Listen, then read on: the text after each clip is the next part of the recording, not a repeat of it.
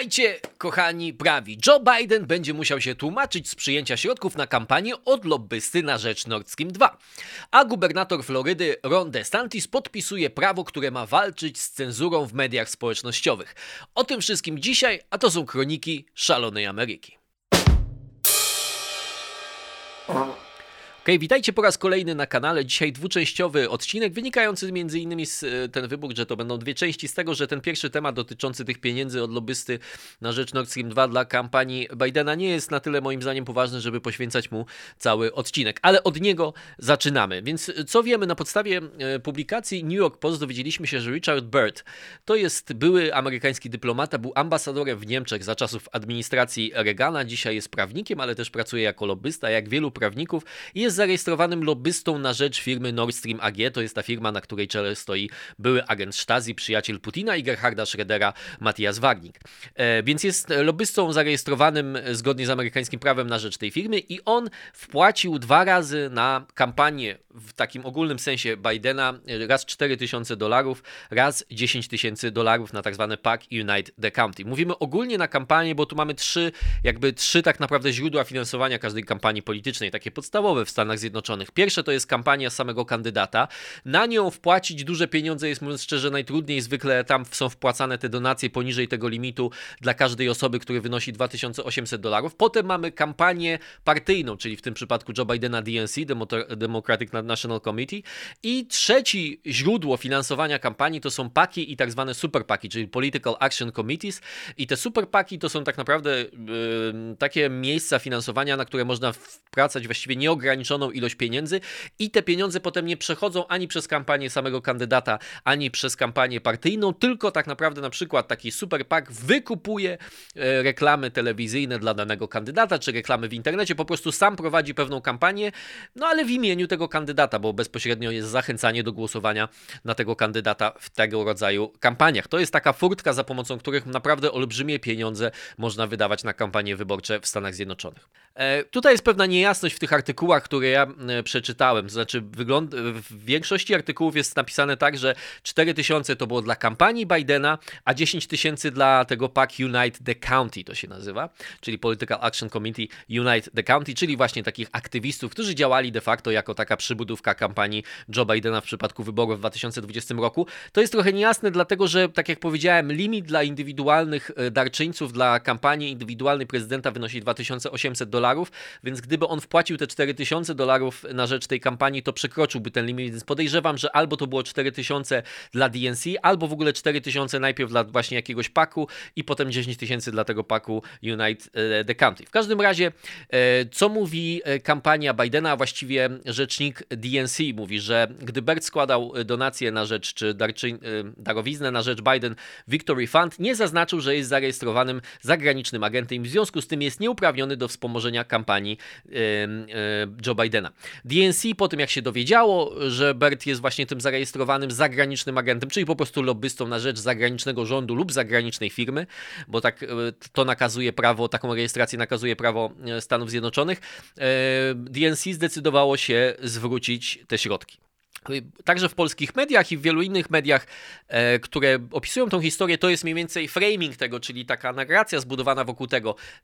Krótko po tym, jak Joe Biden podjął decyzję o tym, że nie nałoży nowych sankcji na Nord Stream 2, co de facto doprowadzi do dokończenia tego projektu, okazało się, że lobbysta na rzecz Nord Stream 2 finansował kampanię Joe Bidena i właściwie wszystko w tym zdaniu jest prawdziwe, natomiast oczywiście w tych zdaniach znajduje się sugestia, że było jakiś rodzaj zależności przyczynowo-skutkowej pomiędzy jednym wydarzeniem, czyli tym finansowaniem kampanii Bidena, a decyzją Bidena, co chyba jakby nie zostało udowodnione. Przede wszystkim oczywiście trzeba powiedzieć o skali fin tego finansowania. To jest naprawdę minimalna skala w świetle jakby finansów na kampanię. To trzeba obliczyć te wszystkie rzeczy, nie tylko to, co zebrał sam Joe Biden od indywidualnych darczyńców, ale właśnie to, co wydało te paki, to, co wydała Partia Demokratyczna w sumie to jest mniej więcej 1,6 miliarda dolarów, czyli 1600 milionów dolarów. Te 14 tysięcy dolarów w sumie, które miało pochodzić od Berta, jest oczywiście kroplą w morzu i wątpliwe jest, że tak istotna decyzja geopolityczna jak Nord Stream 2 mogłaby być kupiona za 14 tysięcy dolarów. Mówię tutaj oczywiście bardzo eufemistycznie i sarkastycznie. Dodatkowo e, praktyka demokratów, e, przede wszystkim Hillary Clinton, ale też rodziny Bidenów, którą pokazywał Schweitzer w swojej książce The Secret Empires, ale o której też mówiłem w swoich filmikach, polecam wam te e, filmiki, tu gdzieś będziecie mieli do nich odnośnik, była trochę inna, to znaczy oni znają sposoby, jak uprawiać w sposób bezpieczny i na dużą skalę korupcję polityczną. Znaczy, gdyby rzeczywiście Burton, Bert, przepraszam, chciał wesprzeć kampanię Bidena, to zrobił właśnie by to poprzez jeden z superpaków. Wesprzeć w sposób istotny, znaczy, że dużo pieniędzy mu przekazać na kampanię. Ale gdyby w ogóle chodziło o korupcję, to najprawdopodobniej nie byłyby to pieniądze na kampanię, tylko w jakiś sposób pieniądze bezpośrednio trafiłyby do rodziny Bidenów. Jeden przy, sposób oczywiście opracowali Ukraińcy i podobny sposób opracowali Chińczycy. Tak? Joe Biden podejmuje decyzje kluczowe w sprawie Chin, przynajmniej jest tym pointmanem amerykańskiej y, administracji, czyli liderem tej polityki w odniesieniu do Chin, podróżuje do Chin, a w tym samym czasie Hunter Biden zawiera lukratywne e, umowy biznesowe ze swoim wspólnikiem Christopherem Heinzem, który był przyszywanym synem, czy jak to się mówi, pasierbem e, Johna Kerry'ego. I w ten sposób oczywiście e, Clintonowie robili to trochę inaczej, bo Clintonowie albo przyjmowali wpłatę na swoją fundację, albo po prostu Bill Clinton pobierał od danego podmiotu, czy podmiotu związanego z tym podmiotem, czyli na przykład Hillary Clinton podejmowała korzystną decyzję, załóżmy dla Rosji, a w tym czasie Bill Clinton przyjmował od rosyjskiego banku 500 tysięcy dolarów za 15-minutowe przemówienie. Czyli bezpośrednio te pieniądze mogą trafić do samych zainteresowanych, bo jak wiemy, demokraci wychodzą z takiej zasady, że bogacze nie powinni się angażować w politykę, ludzie biedni powinni zostawać politykami, no ale jak zostaną bogaczami w trakcie, jak są politykami, to w sumie trudno mieć do nich pretensje. Więc to jest łatwiejszy, praktyczniejszy i lepszy sposób na uzyskiwanie e, tych pieniędzy, bo zawsze masz uzasadnienie. Opinia publiczna w Stanach Zjednoczonych jest mocno wyczulona na punkcie właśnie tych darowizm na kampanie polityczne, no bo tutaj można jasno powiedzieć, o, wielka firma, załóżmy, nie wiem, wydobywająca ropę naftową, dała ileś tam milionów na jakiś tam super PAK, a potem ten kandydat podjął korzystne dla tej firmy decyzje i to zawsze jest taki typowy przykład korupcji, a politycy wiedzą, że i to jest poddawane lepszej kontroli, lepszym audytom przez, przez tą specjalną komisję wyborczą, która się finansami kampanijnymi zajmuje, więc ten sposób jest dużo łatwiejszy, bo zawsze taki Joe Biden może powiedzieć, no cóż, mój syn jest autonomiczną jednostką, świetnie wykształcony, jest doskonałym biznesmenem, więc nic dziwnego, że Chińczycy dali mu miliardy dolarów do zarządzania, chociaż nie miał w tym żadnego doświadczenia. Nic dziwnego, że Ukraińcy dali mu tam 50 tysięcy, w sumie kilka milionów dolarów osobistych zarobków za zasiadanie w Radzie Nadzorczej Burismy, no bo przecież tak świetnie się zna. No tak, oczywiście, że on się zna na inwestycjach, bo wie, że najważniejsza inwestycja to jest inwestowanie w samego siebie, a konkretnie w środki odurzające, które można w samego siebie wpompować. Więc no, nikomu nie można się dziwić.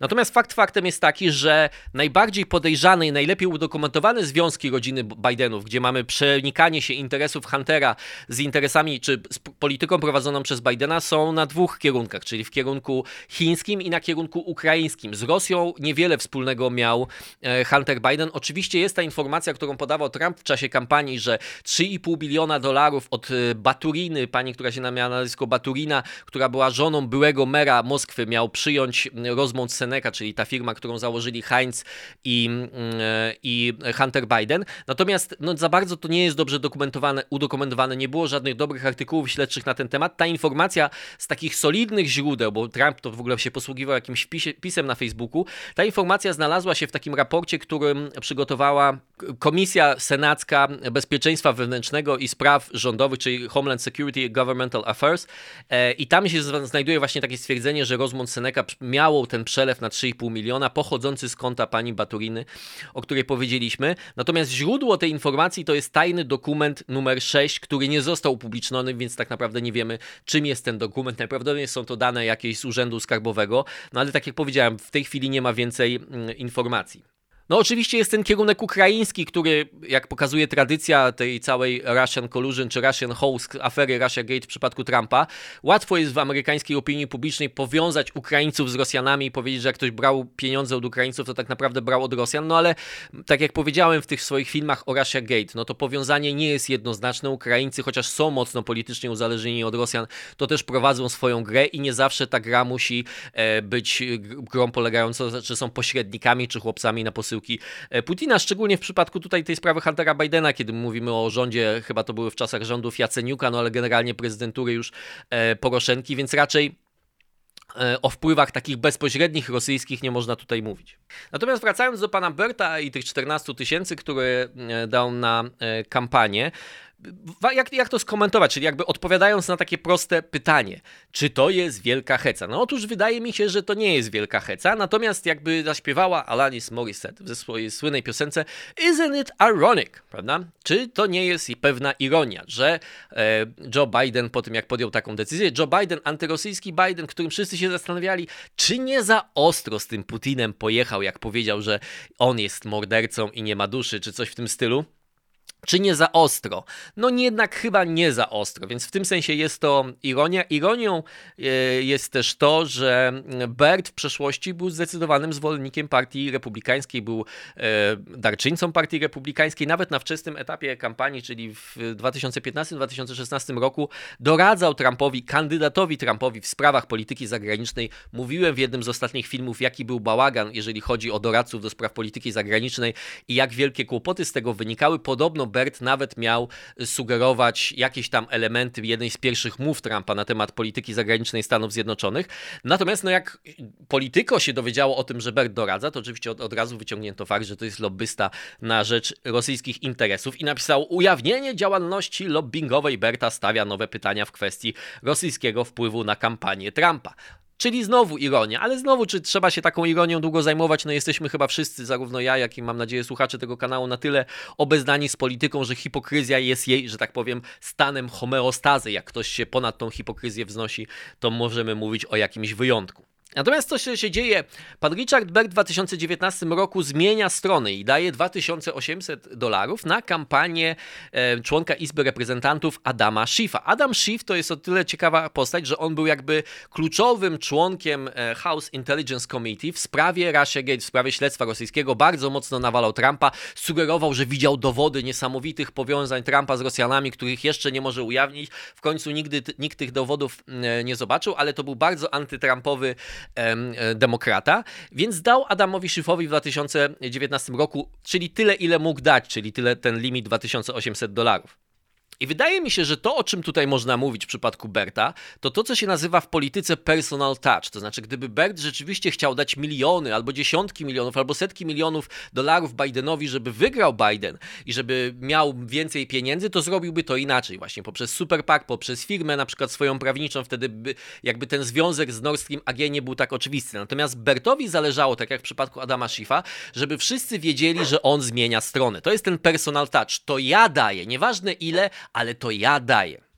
I to jest coś, co w polityce amerykańskiej się dzieje, to znaczy, żeby budować osobiste relacje. Nie zawsze ważna jest ilość tych pieniędzy, ale to, że ja sam osobiście podpisuję ten czek. Rins Pribus na wczesnym etapie e, tranzycji, czy to było nawet jeszcze przed, przepraszam, to było przed zwycięstwem wyborczym Trumpa. Rins Pribus, który był szefem RNC, czyli Republican National Committee wtedy i był szefem, także istotną osobą w kampanii Trumpa, potem był przez pewien czas szefem e, sztabu w Białym Domu. Rins Pribus kazał Trumpowi, jest taka rozmowa, którą opisuje w swojej książce Bob Woodward, ale też w kilku innych źródłach dokumentalnych ona jest, że on mówi, teraz ty musisz odzyskać partię demokratyczną. I co mu doradza? Masz się spotkać z kandydatami do Senatu i z kandydatami do Izby Reprezentantów i każdemu z nich wręczyć czek na 1500 dolarów. Podpisany Donald J. Trump. I to nie chodzi o to, że oni potrzebują te 1500 dolarów i nie mogłoby dać im tego RNC, czyli, czyli Partia Republikańska na kampanię, albo nie mogliby tego uzyskać od, nie wiem, 150 E, darczyńców, którzy by dali po 10 dolarów. Chodzi o to, żebyś ty im uścisnął rękę, żebyś ty im dał czek i żeby oni wiedzieli, że dostali czek na swoją kampanię od Donalda Trumpa. W ten sposób się buduje poparcie. Myślę, że podobnie oczywiście to jest inny mechanizm. Innego poparcia szuka kandydat na prezydenta, który chce zdobyć poparcie w partii, a innego poparcia szuka lobbysta, ale pamiętajmy, że lobbying to jest też przede wszystkim networking. To nie jest tak, że ktoś wjeżdża z wielką flagą Nord Stream AG i mówi Rosja, Rosja jest wspaniała, kupujcie rosyjski gaz. Nie tylko, prawda, na różnych e, eventach social, prawda, społecznych i różnych sytuacjach towarzyskich. Zaznajomia się z politykami. Czasem politycy, jak z nimi porozmawiacie w sposób taki bardziej nieformalny, to wam powiedzą, że czasem się rozmawia z lobbystami, bo to są przynajmniej sympatyczni goście, fajnie się z nimi gada i tak dalej, i tak dalej. Więc teraz, chociaż mówię, że to nie była wielka heca, to jeżeli pogrążymy się w pewną spekulację, to jest to możliwe, że Bert w ten sposób realizował pewne swoje cele lobbyingowe, żeby kampania Bidena zrozumiała, że on jest po ich stronie, żeby nawiązać jakieś kontakty, żeby wszyscy widzieli w tej dokumentacji, która jest oficjalna, że Richard Bert dał 2800, czy tam 4000, 14 tysięcy dolarów na kampanię e, Joe Bidena. Natomiast to oczywiście wyklucza kompletnie taką, taki scenariusz, że Rosjanie, bo to teraz pewnie media, za chwilę New York Times taki artykuł napisze, to, to jest pewne jak amen w pacierzu, że Rosjanie chcieli usidlić Joe Bidena i podstępem mu podrzucili tę donację od Richarda e, Berta. To, to jest głupota, wydaje mi się, i idiotyzm, bo nikt w to, w to nie uwierzy. Natomiast wydaje mi się, że jeżeli spekulujemy, to mogła być to część i jest to logiczne i racjonalne, że był to część planu Berta, w jaki sposób będzie wpływał na administrację Bidena. Oczywiście, musielibyśmy, żeby ta spekulacja miała ręce i nogi, żeby była poważna, musielibyśmy mieć więcej danych. Natomiast ja wam mówię tylko, jak ja to traktuję, że Richard Bert specjalnie właśnie dał jako Richard Bert te pieniądze po to, żeby Joe Biden to. No, Joe Biden może nie, ale jego współpracownicy, Partia Demokratyczna zauważyli, że jest taki człowiek. Czy to było związane z jego lobbyingiem dla Nord Stream AG? Tego też nie wiemy, ale to jest moim zdaniem ciekawa, e, ciekawa optyka, którą można podjąć w interpretacji całej tej sytuacji. Drugi temat. Ron DeSantis, gubernator Florydy, którego popularność ciągle rośnie i jest moim, nie ukrywam, faworytem do prezydentury w 2024 roku. Znaczy nie w tym sensie, że mówię, że wygra, ale chciałbym, żeby startował, bo mi się wydaje, że się nadaje. Natomiast on znowu dostał się na czołówki gazet, bo podjął bardzo gorący, szczególnie dla republikanów, temat cenzury w mediach społecznościowych. Podpisał coś, co się nazywa Senate Bill 7072 i to jest generalnie ustawa czy prawo stanowe, które ma zapobiegać cenzurze w mediach społecznościowych. Według E, press release, które wydało Urząd Gubernatora, czytamy tak. Wszyscy mieszkańcy Florydy potraktowani nieuczciwie przez Big Tech będą mieli prawo do pozwania tych firm, które łamią te przepisy i uzyskać finansowe odszkodowanie. Ta reforma zabezpiecza prawa każdego mieszkańca Florydy, wymagając od portali społecznościowych, by były transparentne, jeśli chodzi o ich praktyki regulowania treści i by odpowiednio informowały użytkowników o zmianach w tych praktykach. Ma to zapobiec, by biurokraci z Big Tech przesuwali słupki, czyli to jest taki idiom amerykański, czy no, amerykański chyba, że zmiana zasad w trakcie gry, czy że przesuwali słupki, by uciszyć poglądy, które im się nie podobają. W ramach tych przepisów też prokurator generalny może podjąć akcję taką antytrustową, chociaż to akurat wydaje mi się najsłabsza część tej legislacji. Big Tech, to jest ważny i bardzo konkretny zapis, ma zakaz usuwania ze swoich platform kandydatów politycznych, którzy kandydują z Florydy albo kandydują w ogólnostanowych nowych wyborach e, na Florydzie na więcej niż 14 dni i, i za każdy dzień, kiedy go usuną, e, czy za każdy dzień, kiedy będzie miał zakaz taki kandydat e, uczestnictwa na takim portalu, może nawet taka firma zostać karę 250 tysięcy dolarów. Jest też w, tym, w tej legislacji zakaz cenzury organizacji dziennikarskich. To jest oczywiście reakcja na to, co się działo po publikacji artykułów New York Post na temat laptopa Huntera Bidena. No i to jest bardzo ciekawy krok DeSantisa. Oczywiście gubernatorzy republikańscy teraz uchwalają dużo praw tam, gdzie mają też poparcie stanowych legislatur, żeby pokazać, że republikanie nie śpią i że są aktywni powiedzmy w tej wojnie kulturowej czy wojnie ideologicznej. Natomiast to jest też tak, że jest pewna trudność w uchwalaniu tych anty-big tech legislacji, bo tak do końca nikt e, nie ma na to pomysłu. Znaczy wszyscy wiedzą, że coś jest nie tak, wszyscy wiedzą, że to jest nienormalne, żeby debata publiczna była regulowana przez algorytmy, które które wymyśliło paru studenciaków z jakiegoś tam Caltech, y, którzy pracują dla Google, Facebooka czy kogokolwiek y, innego, ale jednocześnie no, pytanie jest w jaki sposób skutecznie to regulować, a nie tworzyć następnego państwowego giganta, który tak naprawdę będzie nieskuteczny i będzie pochłaniał tylko pieniądze e, podatników.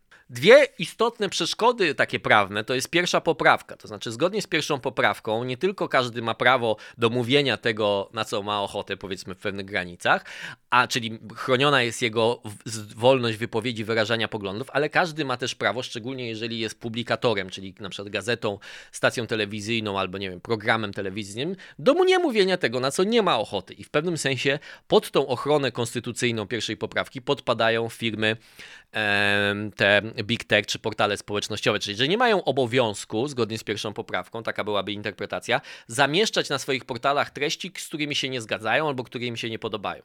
Drugi kluczowy zapis prawny to jest e, Communication Decency Act, to jest e, ustawa uchwalona w latach 90. i tak zwana słynna sekcja 320. I ta sekcja daje zabezpieczenie dla portali internetowych, dla e, service providers, tak? czyli tych, którzy dostarczają pewnych usług, na przykład także ci, ci którzy, na których mamy maile tak? i tak dalej, hosting, że nie odpowiadają na za, w sensie prawnym za zamieszczane na ich portalach treści, czyli jeżeli ja komuś będę groził albo będę kogoś, komuś ubliżał, albo kogoś zniesławię, to ja przed sądem będę odpowiadał za to, a nie Facebook, Google, Twitter, gdziekolwiek to będę e, zamieszczał.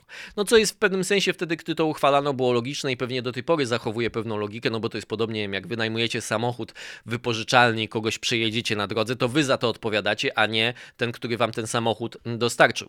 Znaczy, ale z drugiej strony oczywiście trzeba pamiętać, że w ten sposób e, te portale społecznościowe mają uprzywilejowaną pozycję względem innych publikatorów, na przykład gazet. Jeżeli ja bym coś napisał, co ubliża komuś albo kogoś zniesławia w moim, u mojego pracodawcy, czyli w Gazecie Polskiej, to także redaktor naczelny przede wszystkim, a nie ja, ale ja też może personalnie, bylibyśmy e, jakby przedmiotem e, postępowania sądowego w takiej sytuacji. Więc mamy taką podwójną tutaj, e, byśmy powiedzieli, podwójne sprzężenie. Z jednej strony nie są publikatorami zgodnie z Communication Decency Act, ale chcą korzystać z uprawnień wynikających z pierwszej poprawki dla publikatorów, to znaczy chcą mieć możliwość możliwość regulowania tych treści. Problem też polega na tym, problem z legislacją jest takim, że chociaż czasem można mieć wrażenie, że republikanie i demokraci zgadzają się co do tego, że trzeba uregulować big tech, to tak naprawdę jak zaczniemy rozmawiać o szczegółach, to może się okazać, że ich cele są sprzeczne. Bo demokraci tak naprawdę chcieliby, żeby nie było mowy nienawiści, żeby było więcej regulacji, żeby Facebook i ci wszyscy giganci brali odpowiedzialność właśnie za to, co się na ich łamach pisze. Natomiast republikanie patrzą na to trochę z innej strony, chcą, żeby nie było cenzury konserwatywnej negatywnych treści. To, co jest ciekawe w tym, e, w tym prawie, które ogłosił e, DeSantis, moim zdaniem, to jest ta kwestia transparencji tych zasad, tak? bo rzeczywiście to chyba jest największy e, problem. Ja mam na przykład ten problem z YouTube'em, chociaż oczywiście to jest specyficzna sytuacja, bo jeżeli ktoś na przykład nazywa demonetyzację swojego filmiku, czyli fakt, że nie mogą być przy nim wyświetlane reklamy reklamodawców jakąś cenzurą, no to, to jest trochę naciągane z tego względu, że to ostatecznie jest decyzja tych reklamodawców, decyzja YouTube'a, który jest pośrednikiem w tej transakcji i ostatecznie reklamodawcy mogą powiedzieć, że nie będzie żadnych reklam na moich filmikach, bo mam brzydkie ryło, mam brzydką szafę, brzydkie suki i w ogóle generalnie wszystko im się nie podoba i na pewno nie sprzedadzą, nie wiem, rowerków stacjonarnych albo innych maści na porost włosów e, za pomocą moich filmików.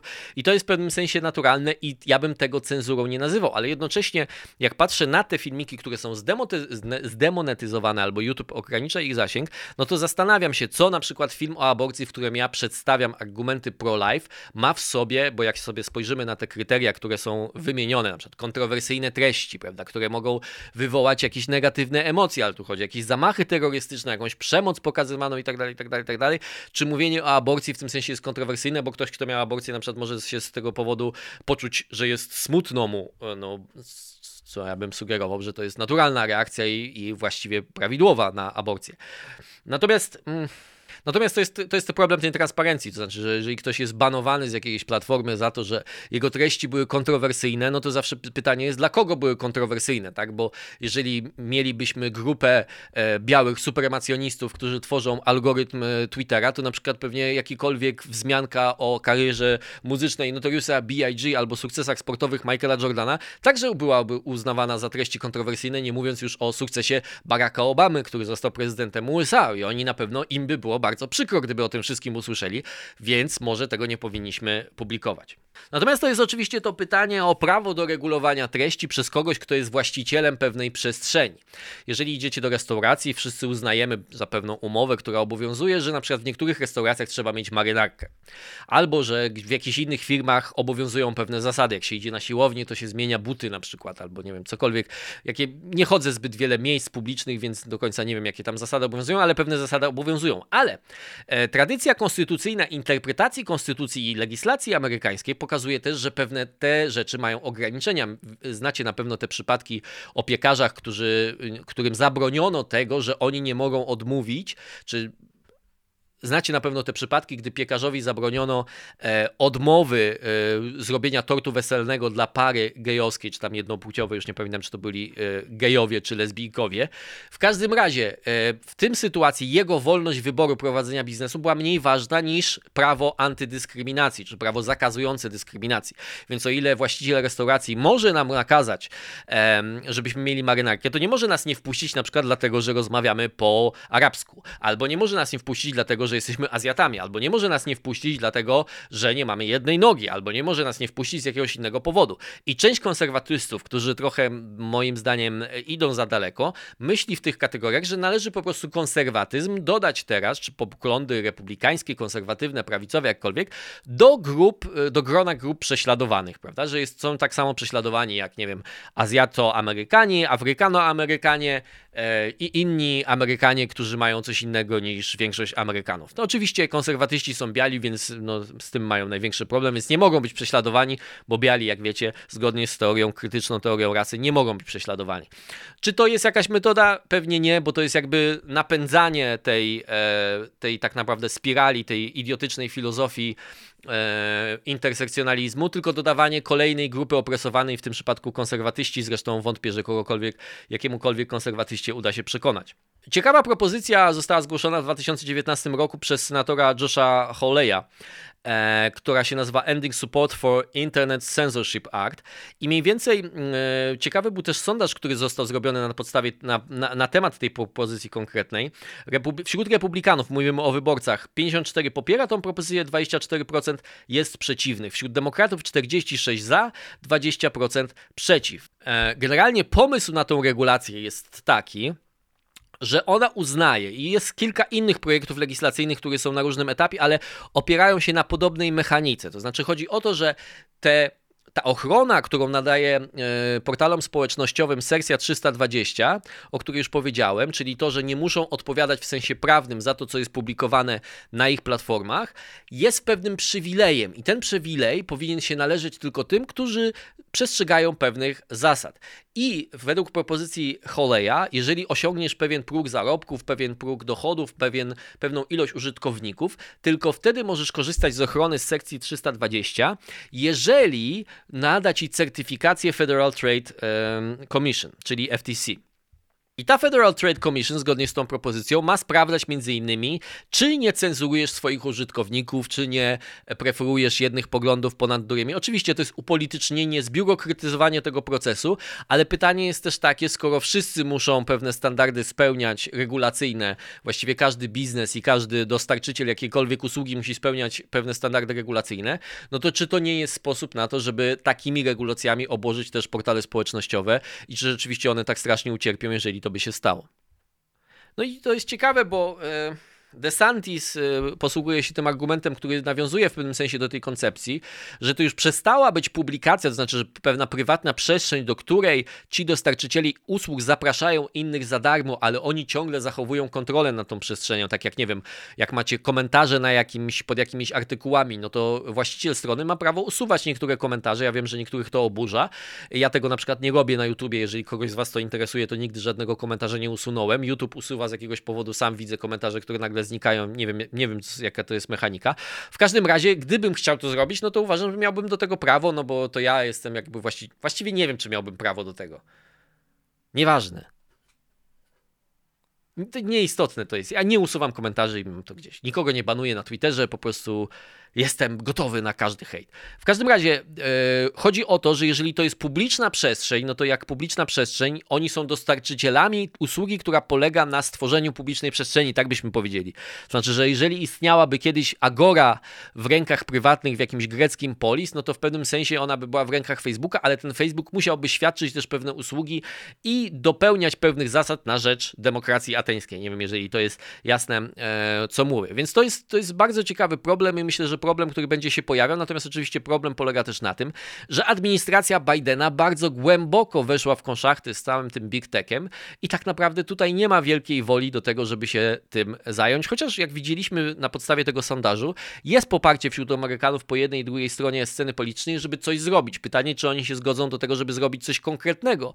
Natomiast to jest problem, który widzą nie tylko e, zwykli Amerykanie, widzą politycy i widzą także e, jacyś intelektualiści, no bo rzeczywiście to jest po prostu poza wszelką kontrolą. Nawet nie chodzi o to, że poza wszelką kontrolą, tylko że e, mamy sytuację, w której ludzie, którzy na, nie, na których nikt nie głosował, decydują o sposobie, w jakim my będziemy się komunikować. To wszystko na dzisiaj. Trzymajcie się ciepło, widzimy się wkrótce.